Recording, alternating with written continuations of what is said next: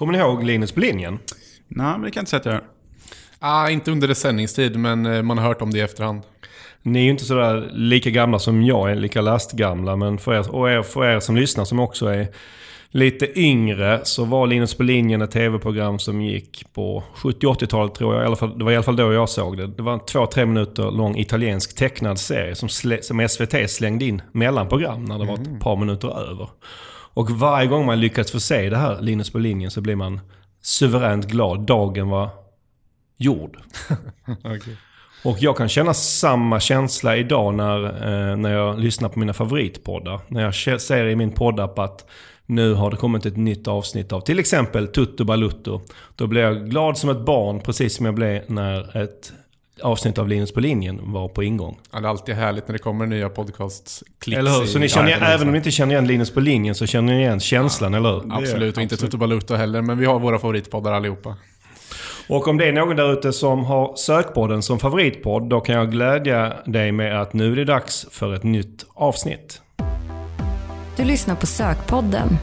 En podcast för dig som gillar Google, SEO och SEM. Sökpodden görs av Pineberry. Varmt välkomna till avsnitt 36 av Sökpodden.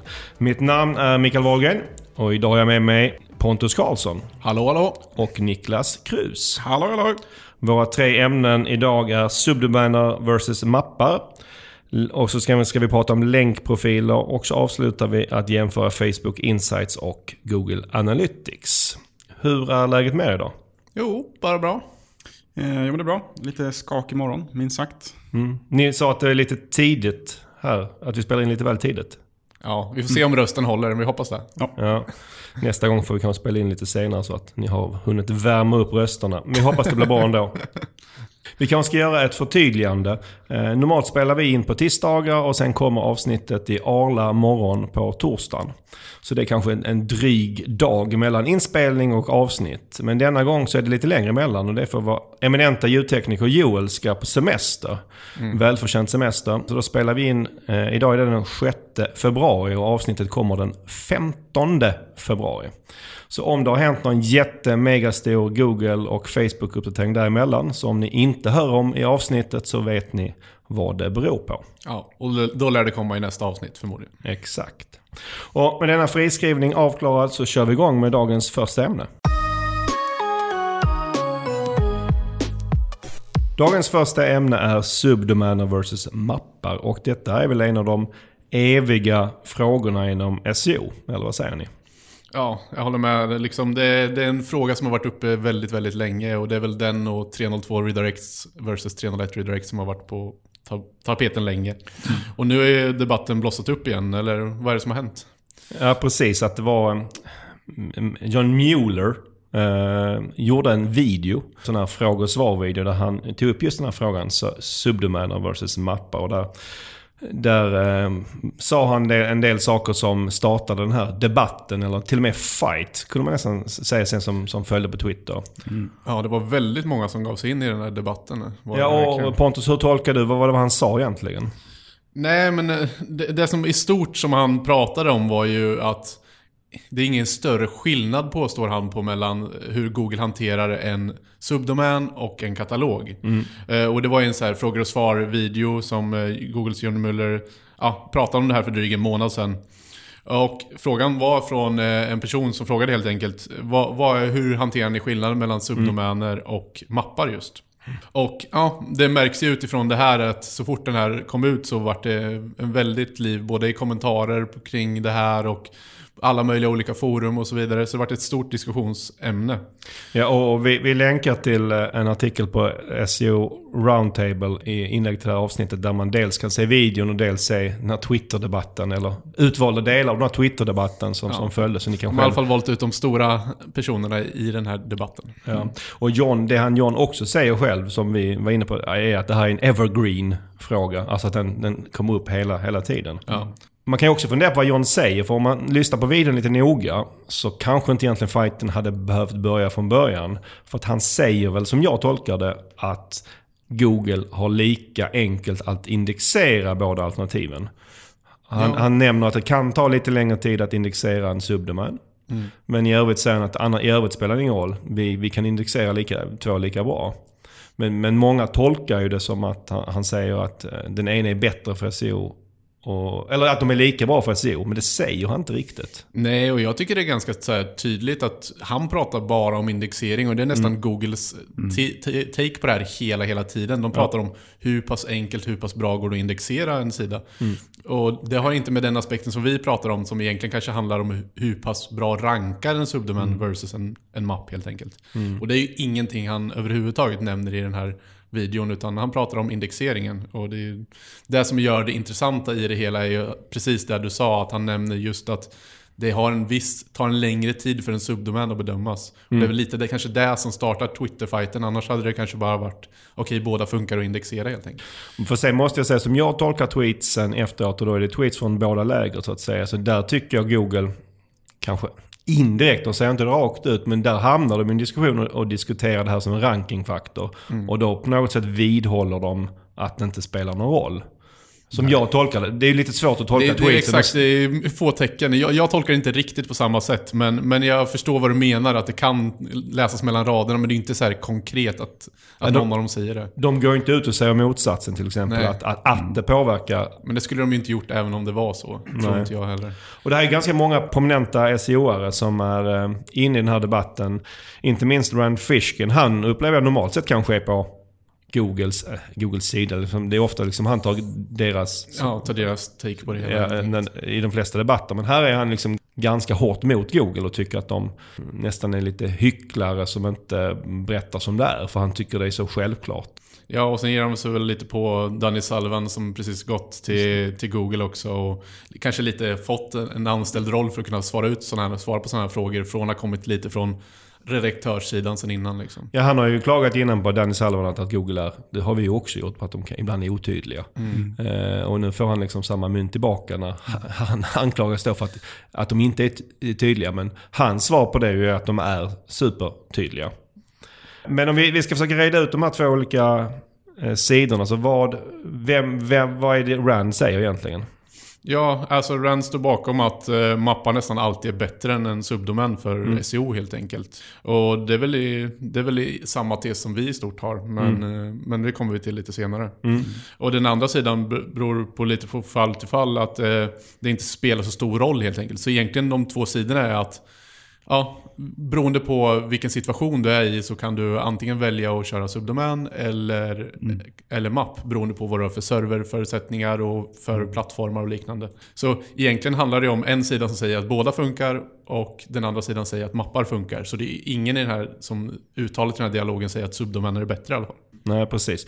Innan vi går in i själva sakfrågan här så ska vi, jag ska, tänkte jag avsluta lite med de, de roligaste sakerna jag tyckte från den här tweet-debatten. För det var väldigt roligt att följa. Och det är faktiskt John Mueller som står för båda två som jag har tagit med mig här. Och det är när Rand och många andra anklagar Google för att, ja, nästan för att ljuga eller fara med osanning eller vara otydliga, hur man nu tolkar det. Och så ska han då liksom angripa det, liksom, alltså säger han så här. Eh, och nu citerar jag. We are running low on subdirectory servers? Frågetecken. Att, att det skulle vara argumentet för att de skulle ljuga. Att de, de har massa servrar för att inde- indexera alla sajter. Och vissa kan indexera mappar och vissa kan indexera subdomäner. Och just de som indexerar mappar, de börjar ta slut. Och att det är därför de försöker vilseleda folk med den här Ja, det, informationen. det är skönt att han kan ha lite komik i det hela också. Ja. Men det roliga i det här det är att det ligger ju någonting i bakgrunden för han säger att det tar längre tid att faktiskt spindla en, en subdomän. Så Ja. det borde ju ta lite mer på serverkraften. Men det här är ju bara ett, Men vi tror, Rent inte, skämt vi tror inte att det finns olika servrar för det, eller hur? Nej. det hade varit spännande. Och så säger han också i en annan tweet att man oavsett vad du väljer så ska du inte förvänta dig någon form av magisk SEO-effekt av att vad du än väljer. Nu citerar jag igen, han säger, så här. ehm, Sometimes a hammer is great but sometimes a screwdriver is better. Alltså att det spelar liksom, i vissa fall passar det ena, i vissa fall passar det andra. Ja men så är det ju säkert. Och jag menar det finns tekniska problem ibland med att kunna göra mappar som vi ändå som sagt var är på den sidan helt enkelt. Ja. Men jag gillar hans uttryck också, Magic SEO Dust. Det tyckte Ja. jag var riktigt härligt. Bra, men om vi dyker ner lite i, sakfrågan och lämnar den här debatten då. Alltså varför eh, skulle mappar vara bättre? Vad är logiken bakom det? Ja, men det handlar egentligen om att om man har en subdomän så ser Google det mer som en enskild domän än vad de ser det som samma domän som själva som, ka- som en katalog helt enkelt, eller en mapp. Eh, och har man då en mappar som sagt så är det väldigt tydligt att man befinner sig kvar på den här huvuddomänen och inte befinner sig på någon annan domän. Och det här handlar ju lite om hur länk, länkjuicen eller länkkraften sprids mellan de här. Och Det vi, vår teori och många andra tror är just att länkkraften sprids mycket mer jämnt över en enskild domän. Jämfört med om du har en subdomän så ses den lite mer som en enskild domän och hanteras på ett annat sätt. Och också som John Mueller säger, den spindlas på ett litet eget sätt. Och det borde indikera att de ser det lite mer som en separat domän. Kan man tänka sig exempel där subdomäner kan vara bättre? När skulle det kunna vara bättre?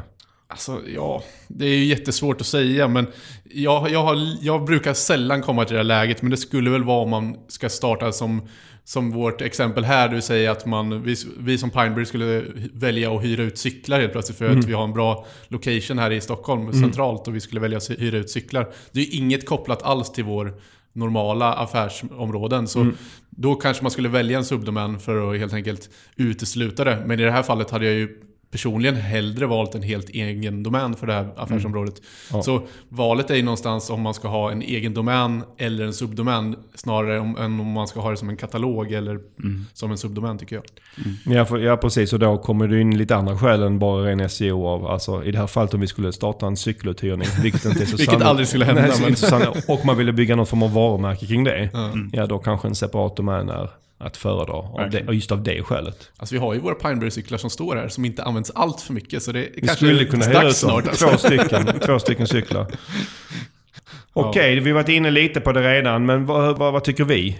Eh, Jag tycker det beror lite grann på, precis som vi var inne på tidigare, att det beror ju på lite grann. Behöver du en hammare eller behöver du en skruvmejsel i det här Mm. fallet? Eh, Man bör egentligen eh, titta på det utifrån vilka förutsättningar man har. Mm.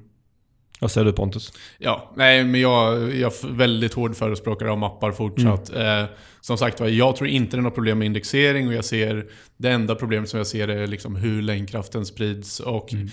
Vi har ingen så här jätte, jättemycket data på det här. Det är väl utmaningen för att det är jätte, jättesvårt att jämföra det här. Men som jag, som jag nämnde för Niklas här innan vi startade igång så för några år sedan såg man mycket, mycket mer subdomäner Mm. som rankade bra. Och idag ser man inte alls lika mycket. Och det beror dels på att man har valt att välja en teknik där man använder mer mappar, samma CMS och Ja. den styrningen.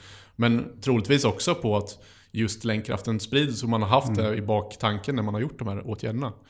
Så ja, det, jag skulle säga mappar. Ja, Jag håller med dig också. Jag, har, jag tror jag aldrig har rekommenderat någonting annat än mapp i, i min karriär hittills i alla fall. Eh, Och jag är också ganska trygg i, i, i det att det är det bättre alternativet från ett SEO-perspektiv. Samtidigt, om jag ska vara helt ärlig, så jag, jag skulle inte ta gift på det. För så lite som du är inne på Pontus så, så det är lite svårt att testa det här för man vill det är ganska stora saker att testa och testa det på riktiga sajter gör man inte riktigt. Det är inte så att jag rekommenderar någon att köra Subdomain bara som ett test. För att det är en ganska stor grej att göra. Nej, och här kan man ju tillägga i de flesta fall är det bättre att köra en subdomän än en enskild domän. För i vissa lägen hamnar ju IT i den situationen att det går inte, säg, säg, påstår de i alla fall. Ja. Sen brukar det alltid gå att hitta en lösning, men de säger att det inte går för att det är väldigt komplext att göra en mapp. Och då är det bättre med subdomän än enskild domän oftast. Nej, jag tänkte på det när du sa det nyligen också. För så upplever jag också de senaste, om man tar de tio, senaste tio åren i, i perspektiv. Att det var mycket vanligare med subdomäner tidigare. Och dels kanske att man har slutat använda på grund av SEO-skäl. Men jag kan då tro, som du var inne på, att den största faktorn till det här är att man har tekniskt sett hittat bättre lösningar. Innan var ju subdomäner oftast en, en lösning för att man inte tekniskt kunde ha bloggen på den vanliga sajten. Så fick man lägga den med subdomän. För det gick inte annars. Nu löser man det oftast lite smidigare. Nej, och det beror ju oftast på att man har olika IT-system i olika miljöer som gör att man väljer att köra subdomäner. Så det är då det blir komplext. Liksom. Och vad ska man tänka på som så här, sista punkt när man då kör en subdomän? Jo, det är ju väldigt viktigt om du kör en subdomän att du sätter upp ett enskilt Google Search-konsol för just den subdomänen. För det är inget du får in information i för den vanliga Google Search-konsolprofilen. Och i och med att Google har valt att göra så här så tycker jag på ett sätt att de signalerar att det är en skillnad mellan dem. Det är ganska ja, tydligt, eller hur? Så Ja. att där får de kanske lite skylla sig själva att, att frågan alltid kvarstår. Som sagt, det är en evig fråga men vi sätter punkt här för idag. Eh, Men vi får säkert anledning att återkomma till subdomäner och mappar framöver. Verkligen.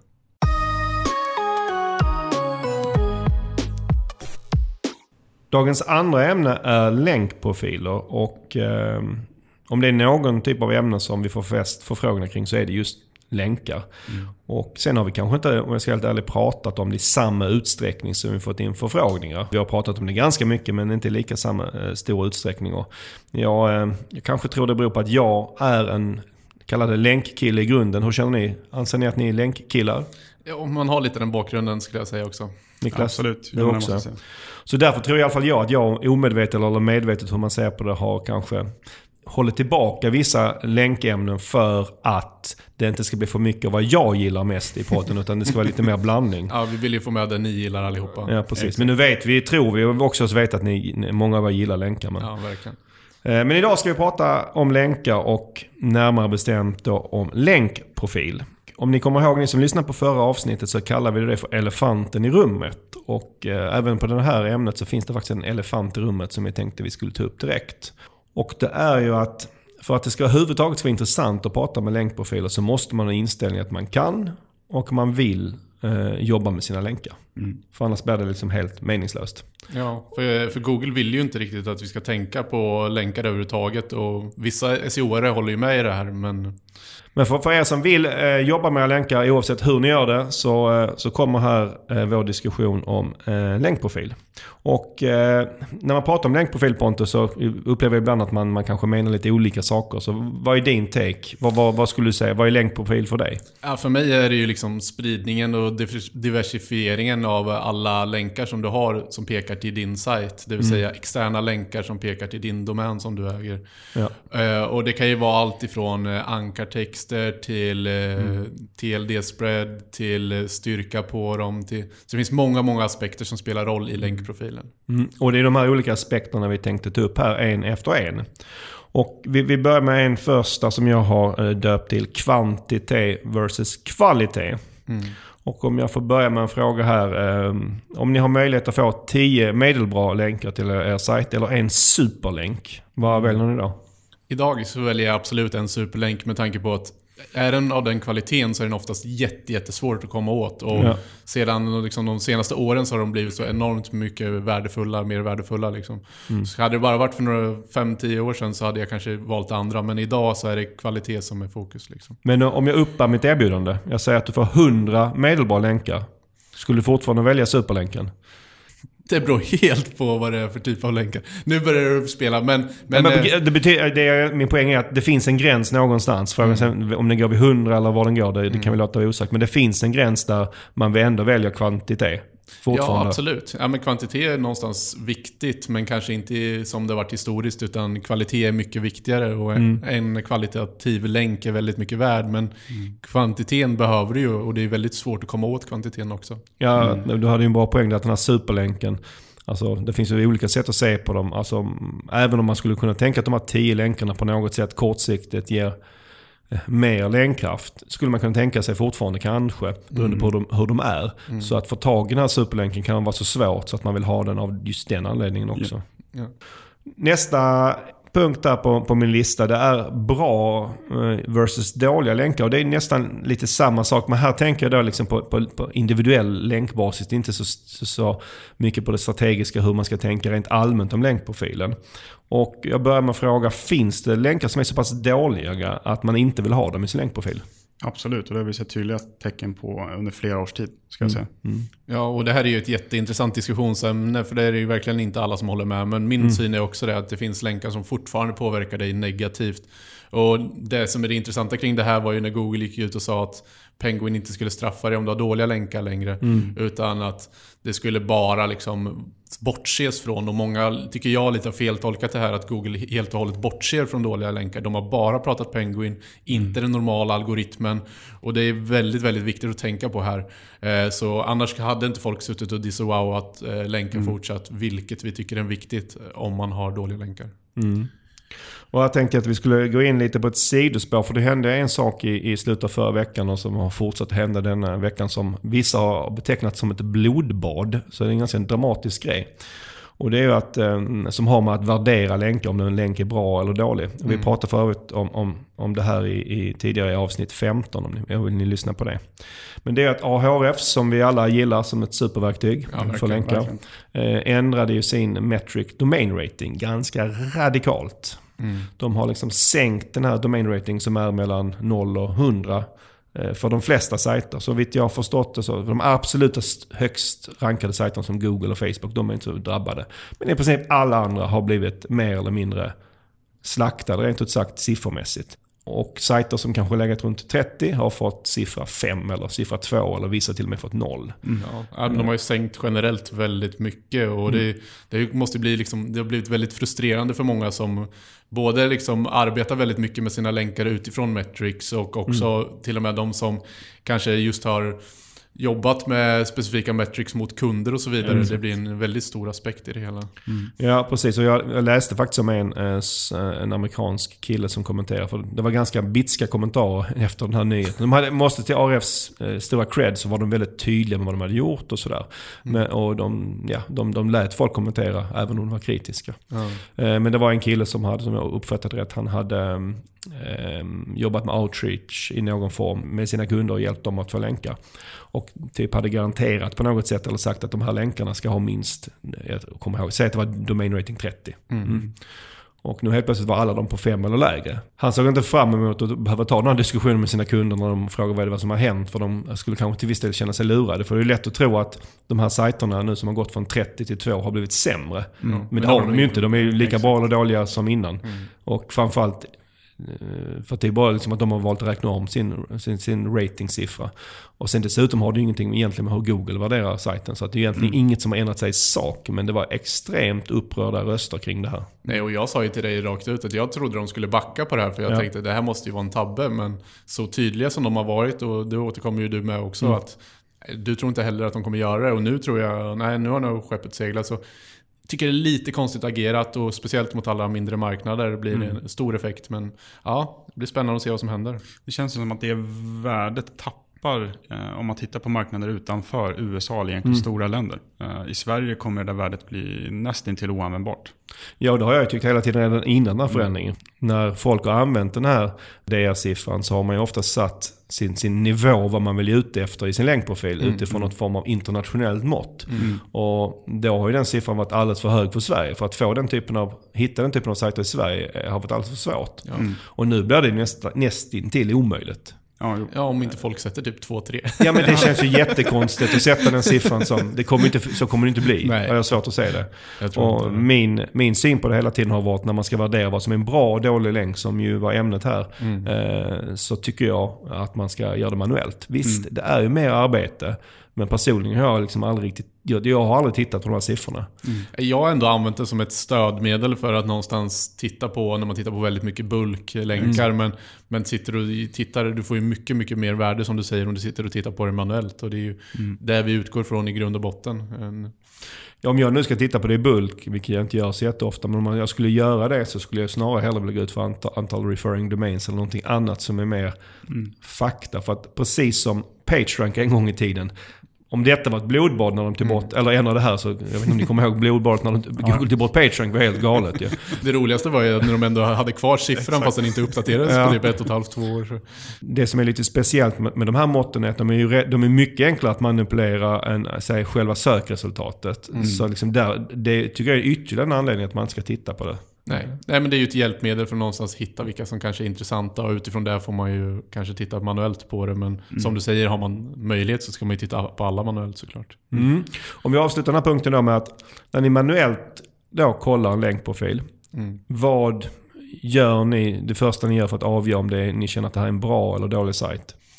Eh, lite grann som du var inne på först så kollar jag på hur många länkade domäner har vi till uh, den här domänen vi tittar på. Mm. Uh, sen tittar jag också lite snabbt på vilka TLDs som pekar till den här domänen. Bara mm. för att få en känsla för Eh, är det kvalitativa länkar från Sverige, eh, vilket vi ofta tittar på. Mm. Eh, och skulle det kunna tillföra något värde helt enkelt. Mm, det, det för oss utsökt in på nästa punkt då. Svenska versus utländska länkar. Om vi antar att det är en svensk sajt som mm. primärt riktar sig mot Sverige. Hur, vill man, hur tänker man där? Liksom, tänker man som Niklas säger här att man vill helst ha svenska länkar till sin, till sin sajt eller kan man också tänka sig utländska? Nej, jag förespråkar i största möjliga mån så är det ju svenska länkar man är ute efter. För att mm. Google är ju väldigt marknadsspecifika och de tillför ju mycket mer värde och mycket mer relevans mm. att ha en länk från den svenska marknaden till en svensk sajt. Mm. Sen om jag hade fått någon internationell kvalitativ länk hade inte jag sett det som något negativt. Nej. Men däremot är du i Sverige och råkar ut för mycket ryska länkar, kinesiska länkar mm. eller länder som du inte har så mycket connection till normalt sett så blir, tycker Google det ser onaturligt ut såklart. Ja, Jag gör precis som du säger Niklas. Det första jag kollar på när jag går in och kollar på sajt är antalet referring domains. Mm. Säger att siffran verkar orimligt hög, vilket den eh, numera tyvärr ofta är Mm. för svenska sajter. Så kollar jag direkt på vilka länder länkarna kommer ifrån. Mm. Och ser man då att spridningen där är inte med fokus på, på .se-domäner. Mm. Och framförallt om fokuset är på liksom, säg lite mer annorlunda länder. Gamla sovjetiska stater och liknande, många länkar kommer därifrån. Så, så kan man nästan utgå från att det är en sajt som har blivit sönderspammad av hackare.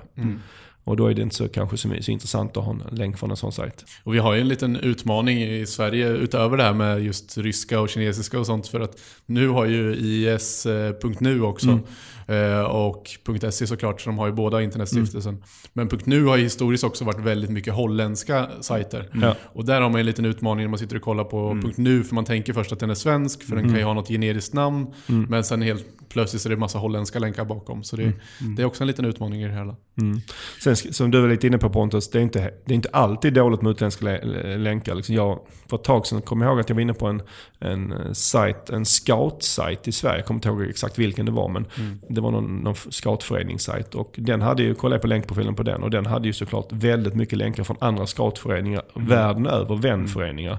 Och där helt plötsligt är det väldigt relevanta länkar och det är ju helt rimligt att det, det är liksom från massa olika länder. Så där skulle jag inte säga att det är så nödvändigtvis negativt. Nej, och samma sak gäller såklart om man är aktiv på flera marknader själv, att man får länkar från sin egen domän på andra marknader och så vidare. Så det finns ju många fall där det är väldigt naturligt och allt handlar ju om en naturlig, Exakt. försöka få det till en naturlig spridning utifrån vad du har för affärsmöjligheter och affärsområden. Men bra, en annan sak att tänka på i ens länkprofil som många tänker på det är om länkarna är från är site länkar eller det är länkar som kommer från enskilda sidor på sajterna. Och det här är ju någonting som framförallt kanske blir aktuellt efter Pingvin-uppdateringarna. Innan dess var det ju väldigt populärt med site länkar men nu är det kanske inget man drömmer om direkt i sin länkprofil. Eller är det, är det något ni drömmer om? Eh, nej, eh, i de flesta, största möjliga mån så vill jag ju inte ha site-wide-länkar, det vill säga att den befinner sig på varje URL på den domänen som länkar till sig. För då får du ju väldigt, väldigt många länkar, men från en domän. Och såklart, det är inget farligt om man har någon enstaka eller några, men jag skulle ju aldrig vilja ha en länkprofil som är baserad på site-wide-länkar. Men om du hade haft det i din profil och du känner att det var ganska många, skulle du rensa ut dem då? Det beror lite på situationen och vad man har för typ av positioner. Så det är väldigt mycket case to case, men absolut successivt har jag nog försökt kanske konvertera de länkarna på något sätt till enskilda länkar på enskilda URLer som är prioriterade istället. Mm. Och ska man eh, ta tag i det eller vill man åtgärda det på något sätt så tycker jag man ska utvärdera eh, vilka ankartexter de här site-wide-länkarna ligger med. Eh, Är det en väldigt aggressiv eh, ankartext, ja, men då kanske jag hade börjat där. Mm, då ökar ju risken på något sätt. Absolut. Vi kan ta ett konkret exempel. Kan jag fråga om ni, om, om ni tycker att vi har gjort rätt eller inte. Från, från vår kära sajt sökmotorkonsult.se där den här podden publiceras och där vi har vår blogg. Eh, Där länkar vi sitewide till pineberry.com. Mm. Är det rätt eller är det fel? Jag skulle säga att det är fel. Men eh, jag har redan sagt det någon gång innan. Ja. Jag, jag rekommenderar de flesta att bara länka från startsidan. Men såklart, det är så, en sån enstaka länk så jag tycker inte det är optimalt. Men, men ja, det är inget fel heller. Nej, och jag kan säga att vi har inte gjort det egentligen av SEO-skäl där, utan det är snarare av något kallade branding-skäl. Men jag, jag kan hålla med dig att vi kanske borde ha haft en, ha en smartare lösning där på något sätt länkmässigt. Mm. Nästa punkt här på listan är follow versus no follow. Finns det överhuvudtaget någon poäng med att ha no follow-länkar i sin länkprofil? Jag ska säga inte från ett rankingperspektiv, men utifrån det perspektivet att du vill att länkprofilen ska se naturlig ut. Så tycker jag absolut det finns. Men att du får no-follow-länkar är ganska naturligt om du lyckas bygga det till en stark sajt. Så jag hade inte ah, liksom, aktivt arbetat med det ur, ett, ur en SEO-synpunkt. Ja, för det vet jag och har sett att vissa SEO gör. Att de för att då skapa någon form av, gissar jag, naturlig länkprofil så arbetar de aktivt med att få no-follow-länkar. Alltså, I lägen där man skulle kunna välja så väljer de no-follow. Men det känner du att det skulle du aldrig tänka dig? Nej, jag skulle inte göra det. Sen är det ju alltid svårt att säga hur Google tolkar no-follow och hur pass mycket de tar hänsyn till det och så vidare. Men jag hade inte tagit risken att inte få den länkkraft som jag försöker anskaffa mig. Eh, Det är ju det jag vill. Jag vill åt länkkraften från den domänen någonstans. Och att då välja no-follow känns felaktigt från mitt perspektiv. Skulle om man kan vända på det, skulle du känna att det, det finns en risk att ha för mycket no-follow? Ja, alltså det som det indikerar är ju att det egentligen ren- rent krasst är annonsering. Så Ja. på så sätt skulle det indikera att du har väldigt, väldigt mycket annonser till dig. Så Mm. kanske. Men det är sällan man ser det för de flesta länkar är ju inte nofollow. Nej, att- nej men precis. Det är sällan man kommer i den problematiken. Okej, nästa punkt som vi varit lite inne på redan är ju ankartext. Och det här är också en sak som har ändrats en hel del efter eh, de olika pingvinerna. Hur tänker ni idag kring ankartext? Och det är enormt baserat på segment till segment skulle jag säga. Men, Ja. men det, det handlar ju någonstans om att förstå vad det är för typ av nisch och bransch man är i och hur konkurrensen ser ut. För man vill ju hålla aggressiviteten på ankartexterna till så låg nivå som möjligt men ta så bra positioner som möjligt. Det är så det, jag ser på det idag. Så det är en balansgång. Det är ju alltid en balansgång. Mm. Vi kan ta ett konkret exempel. Jag var inne och kollade på IH Ahrefs på, eh, på- för Pineberry då. Och vår vanligaste ankartext de är idag non-brand eller domänrelaterat. Den stod för 2% av våra av länkarna. Och då har jag tagit bort vissa liksom lite snuskiga ankartexter som vi har blivit nedspammade spammade med för de är inte riktigt relevanta. De hoppas vi och tror att Google räknar bort. Men skulle ni säga att 2% är för mycket eller för lite? Nej, jag skulle inte säga att det är någon, någon större fara på 2%. Nej. Nej. Eh, Men, och speciellt kanske inte i just det här segmentet. Där det finns många av er där ute också som är aktiva. Så Mm. ni vet ungefär hur det ser ut. För eh, så här, post Big Win så skulle ju de flesta vara eh, överens om att bulken eller de flesta av ens ankartexter ska vara brand eller domännamn eller URL. Eller hur? Verkligen. Ja. Verkligen. Ja, det har blivit väldigt viktigt på sista tiden. Mm. Och, och sen ser man ibland att vissa SEO jobbar på ett sätt att eh, de för att liksom sprida riskerna eller minska riskerna eh, jobbar med att få in ankartexter som inte riktigt har med saken att göra eller ämnet att göra för att ytterligare liksom späda ut den på något sätt. Vi kan ta exempel. Säg att du skriver i en text, då har du en mening. Eh, vill du jobba med SEO? Och så vill du länka den av någon anledning. Och då, istället för att jobb, länka till exempel då, jobba med SEO för att få med ordet SEO. Så länkar du bara jobba med.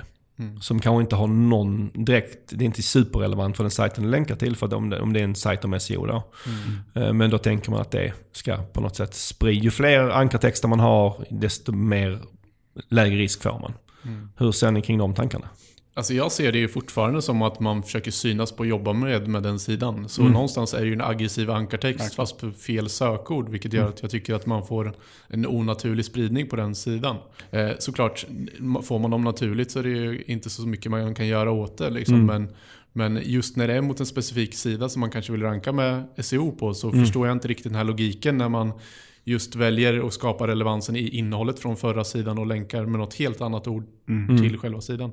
Men, eller jag förstår hur de tänker men jag förstår inte varför man väljer det valet. Om ni nu, för vi antar ju återigen här att man kan på något sätt påverka ankartexterna. Ett konkret exempel har vi redan inna, varit inne på att vi kan ju påverka hur vi länkar från sökmotorkonsult.se till Pineberry. Väldigt mycket. Och, eh, hur tycker ni, liksom, vill ni fortfarande ha exakt match i ankartext? Absolut, på de viktigaste sökorden så vill Ja. jag ju ha ett antal. Men Ja. det beror helt på hur din länkprofil ser ut, hur man bör anpassa den och som jag sa, hur segmentet ser ut. Men någon enstaka kan göra en stor skillnad på dina resultat. Absolut. Då sätter vi punkt där för länkprofiler och går vidare till dagens sista ämne.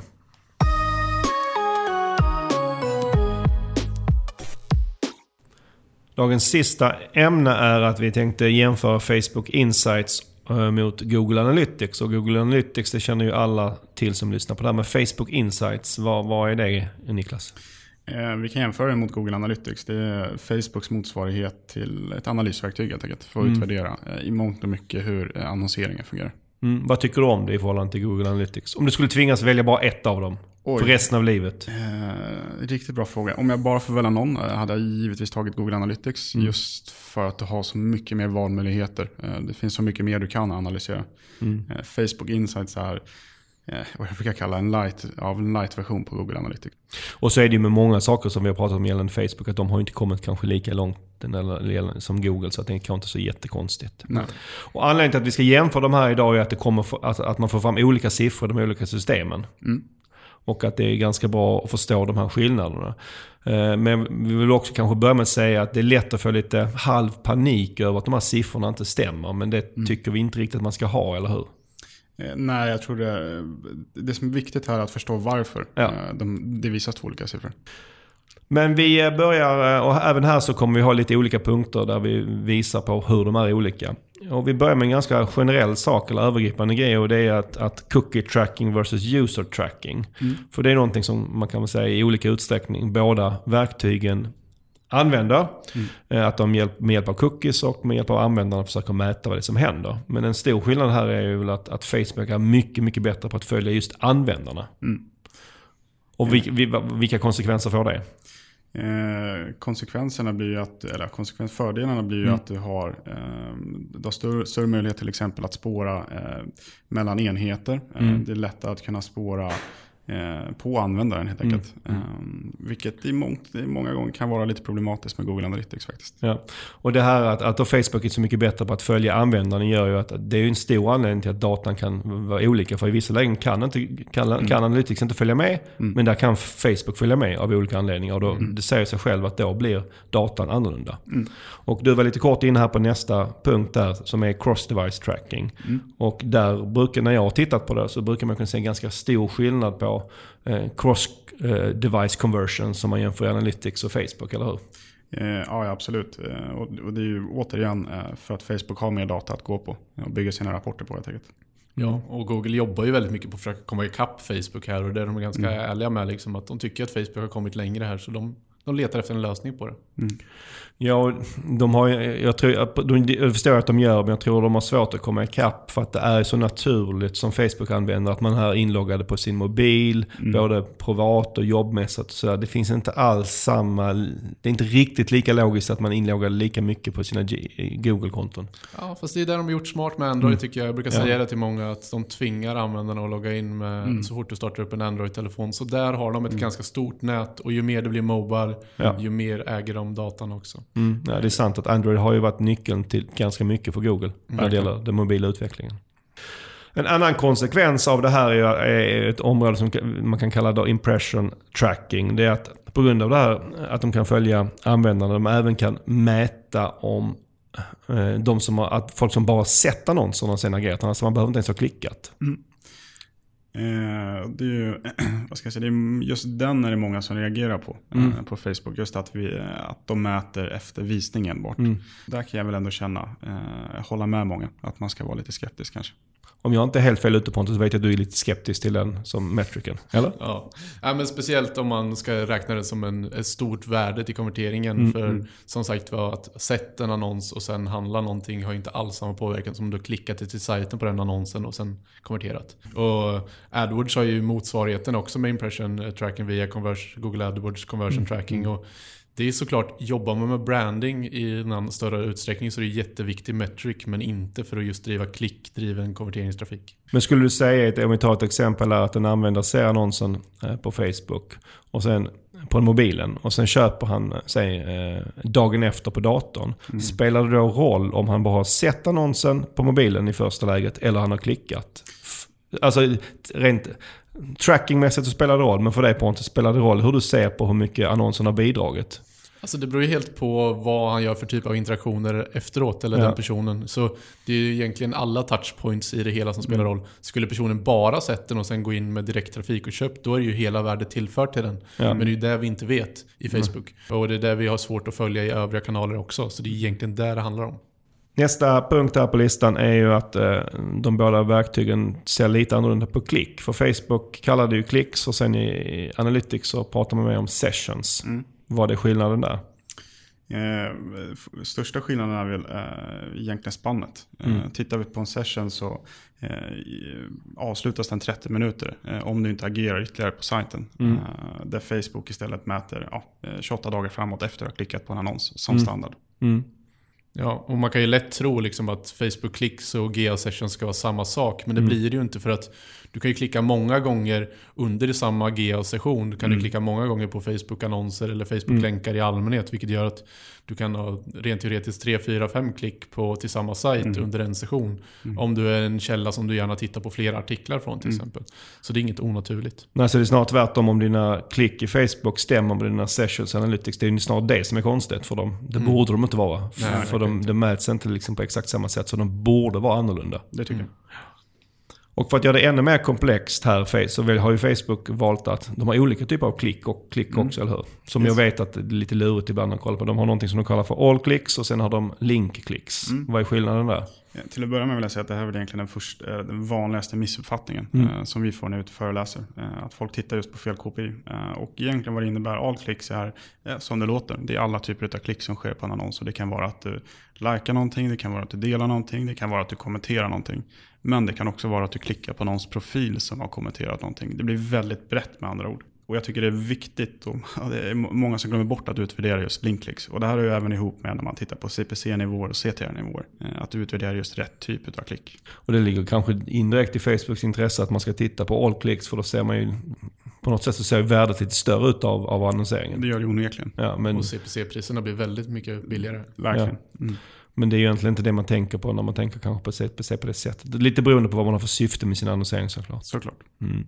Nästa punkt på listan gäller konverteringar för att äh, även där så, så, så räknar de här olika systemen lite annorlunda. Och, Mm. eh, till exempel så tillåter ju Facebook flera konverteringar på ett klick, eller hur? Om man klickar en gång och av någon anledning köper tre gånger Mm. så blir det tre köp.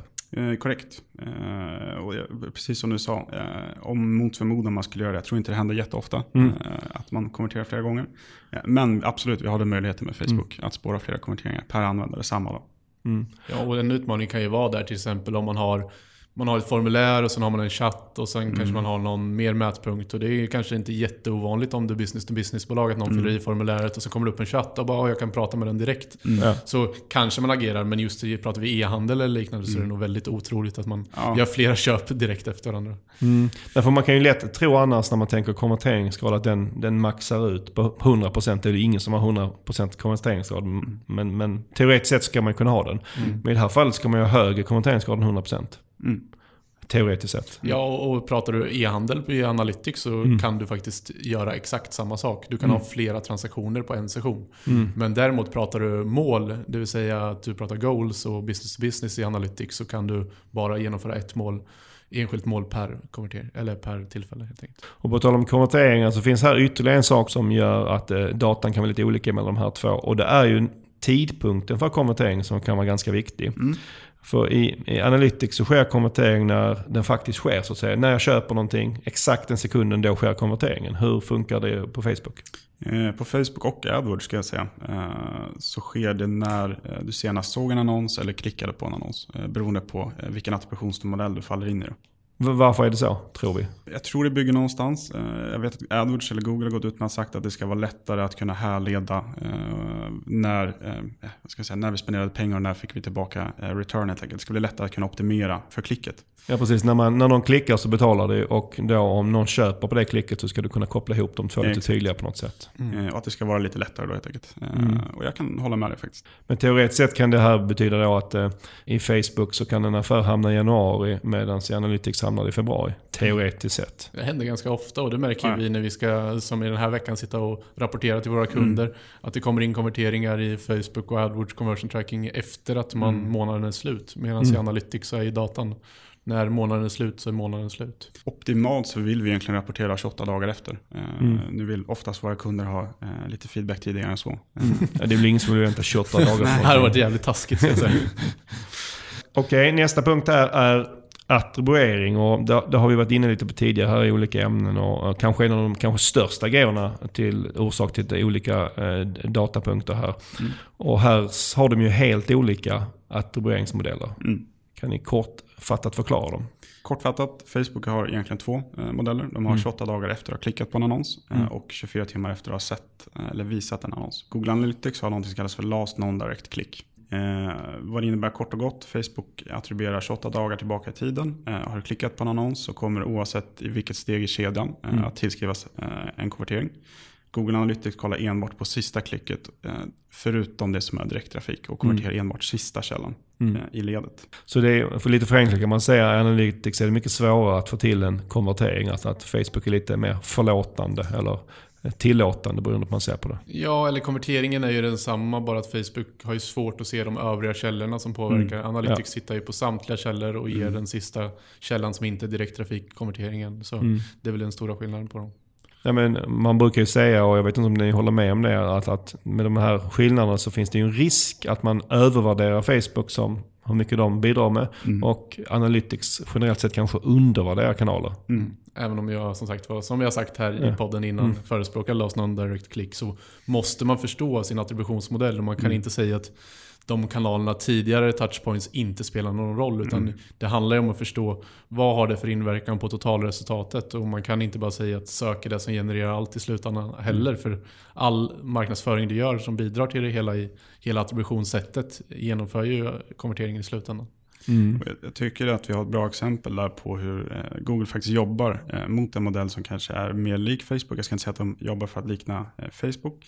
Eh, Men det är just att de jobbar mycket med datadriven attribution Mm. mm. numera. Eh, Och där kan man ju ändå se att man tittar mer på olika touchpoints än att bara titta på sista Mm, klicket. Och vi skulle också säga att de modellerna vi sa här, det är det som är standard. Man kan Ja. själv välja både i Facebook och Analytics vad man vill ha. Till exempel om man inte vill titta på eh, View-konvertering. vi- view-konvertering till exempel. Så, så eh, behöver man inte göra det i Facebook. Absolut, Eh, det kan man ta bort. Tycker ni att det är en bra, ett bra tips att man ska sätta upp sin egen eller är det, för advanced för de flesta? Jag tror, man, jag tror det är för advanced för de flesta. Jag tror det bara handlar om att förstå det här i första steg. När du väl förstår det och du förstår din affär och hur dina användare agerar, då kan man börja titta på det. Men jag tror du behöver väldigt, väldigt mycket data för att kunna ta fram en egen attributionsmodell. Och Man börjar höra en del som försöker titta på att ta fram attributionsmodeller. Eh, Men jag tror det är väldigt, väldigt svårt att få med alla kanaler och alla touchpoints. Bara att koppla ihop Facebook och Analytics och allting och få det att flyta på ett bra sätt. För du kommer aldrig få med view conversions från Facebook in i det här systemet. Så det är en jätte, jätte utmaning. Jag ska säga det, att är det någon som sitter där ute och har en bra lösning på den här problematiken så får ni jättegärna höra av er. Jag tror, jag tror ni får bra betalt av även Google och Facebook om ni löser det. jag, kan bjuda på en lunch eller. Så, det var lite olika anledningar till varför datan kan skilja sig i Facebook Insights och Google Analytics. Med det lämnar vi eh, det ämnet för idag och rundar av detta avsnitt.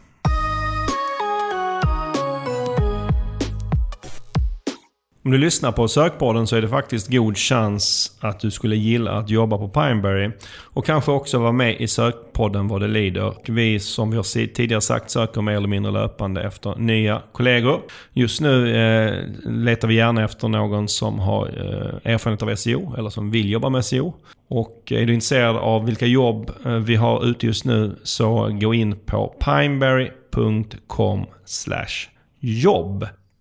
Ikväll Mm. när avsnittet släpps, alltså inte ikväll men ikväll när avsnittet släpps den 15 februari, då är det SEO-snack. Ska ni gå? Ja, jag är lite tveksam. Jag brukar ju aldrig missa ett SEO-snack, men det blir nog en kort sväng för jag åker till New York dagen efter. Så det gäller att packa lite också. Mm, ja, det är lite godtagbart skäl tycker jag. Du Niklas? Eh, Jag ska dit, den kommer lite sent men absolut jag kommer.